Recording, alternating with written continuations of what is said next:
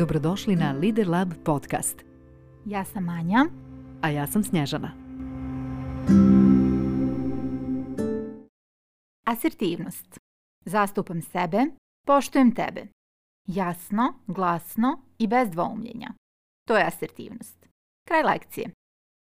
Možemo li biti malo precizniji?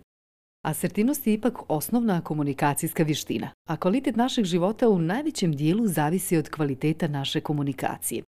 Zato asertivnost zaslužuje jedno duže razmatranje iz više uglova.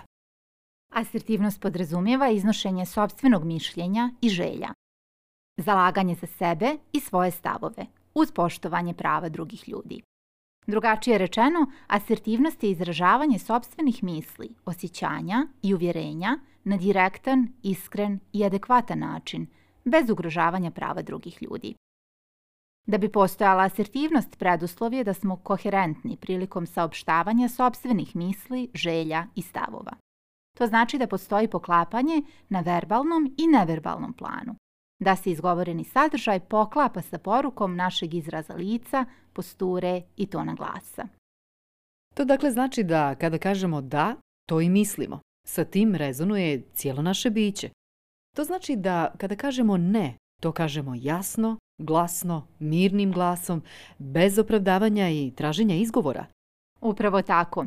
A to i nije tako komplikovano kada znamo da se rađamo kao asertivna bića. Dok smo mali, kada nam nešto ne odgovara, to obično zna cijeli komšiluk.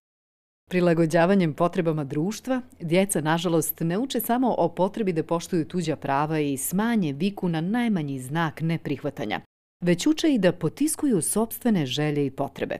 A kada nismo asertivni, ostaje nam kao izbor ili pasivna, pasivno-agresivna ili agresivna komunikacija. Nažalost, dugoročno, i jedna i druga vrsta komunikacije dovode do nezadovoljstva izazvanog stalnim unutrašnjim konfliktom, da dugoročno neasertivnost vodi do stresa, ogorčenosti, ljutnje, viktimizacije sebe ili drugih i potrebe za osvetom. I ovdje se znači potvrđuje da tijelo jako dobro poznaje našu istinu. Tijelo je međutim sazdano tako da neprestano traga za osjećajem slobode, koji mu nesvjesno oduzimamo, utišavajući sobstvenu intuiciju. Pa tako neritko završimo na druženjima ili u posjetama čiju svrhu apsolutno ne vidimo. Šta više, osjećamo se kao stranci sami sebi. Izdajemo sebe i pomalo gušimo glas svog bića. Sve u svemu, neasertivna komunikacija kratkoročno može da donese satisfakciju u vidu izbjegavanja suočavanja sa nepoželjnom emocijom, ali dugoročno skupo košta. Svaka emocija koju potiskujemo i od koje strahujemo vreba priliku da izađe na vidjelo. Mnoge se, nažalost, somatizuju i pretvore u oboljenje. Da, a asertivnost s druge strane ima velike benefite kada je konstantno upražnjavamo. Povećava samopouzdanje, dovodi do samopoštovanja, upoznaje nas sa sobstvenim emocijama, donosi poštovanje drugih ljudi, stvara win-win prilike, poboljšava kapacitete za donošenje odluka, donosi više satisfakcije i kreira iskrene i čvrste veze. Zašto nas većina onda nije asertivna?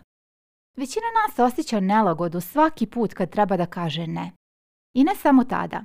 Svaki put kada jasno treba da saopštimo sobstvene želje, težnje i stavove. I to ne treba da nas čudi. Asertivnost podrazumijeva aktivan odnos prema životu koji nije uvijek jednostavan. Stalno donošenje racionalnih odluka poput toga kada treba da postavimo jasne granice i zaštitimo svoj prostor. Kada da popustimo i preispitamo sobstvene stavove, mnogo je zahtjevnije od funkcionisanja na autopilotu, to jest po navikama. Jasno, mozak štedi energiju gdje god može. Pored toga, valja znati i da je strah od neprihvatanja, odnosno odbačenosti, duboko usađen u našim moždanim centrima.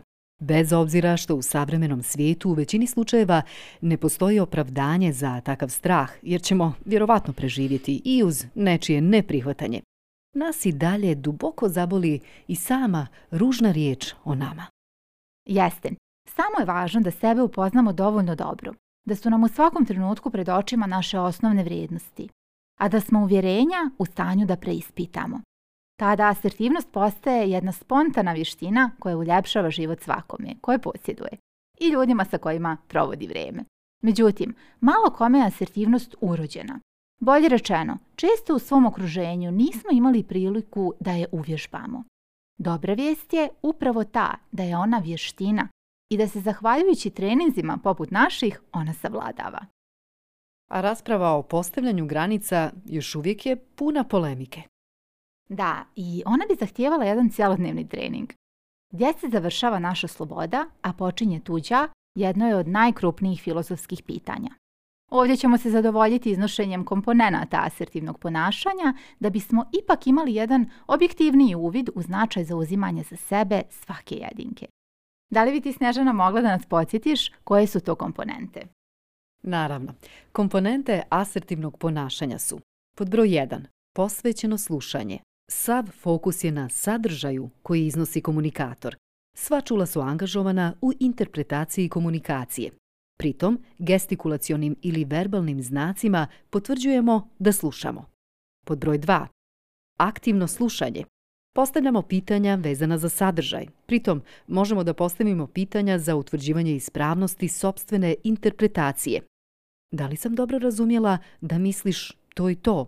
Da li je to kao kada i tako dalje. Pod broj 3. Adekvatan položaj tijela. Poštujemo lični prostor sagovornika. Bitno je da ne podrazumijevamo da je lični prostor druge osobe istovjetan kao naš. U slučaju da osoba ne daje jasne signale, bolje je pitati da li joj je prijatno nego rizikovati da povrijedimo njen prostor. Kada sami govorimo, potrebno je da sadržaj prenesemo jasno, glasno, bez dvoumljenja, prateći poruku podržavajućim signalima na neverbalnom planu. Asertacija suštinski znači da s lakoćom izražavam i komuniciram svoje mišljenje. Zalažem se za svoja prava. Znam da mi pripada najbolje. Težim najbolje. Dozvoljavam drugome da stvarnost vidi na drugi način jer se tako dopunjavamo. Da, a asertivnost se uči primjenom asertivnosti. Mi vam preporučujemo da krenete od manjih izazova da biste došli, na primjer, do dugogodišnjih neriješenih odnosa koji vam crpe energiju. Srećno i uživajte u širenju sobstvene mape. Svoju slobodu ćete dobiti tek u trenutku kad postavite jasne granice, a najbolji način za to je primjena pravila asertivnosti.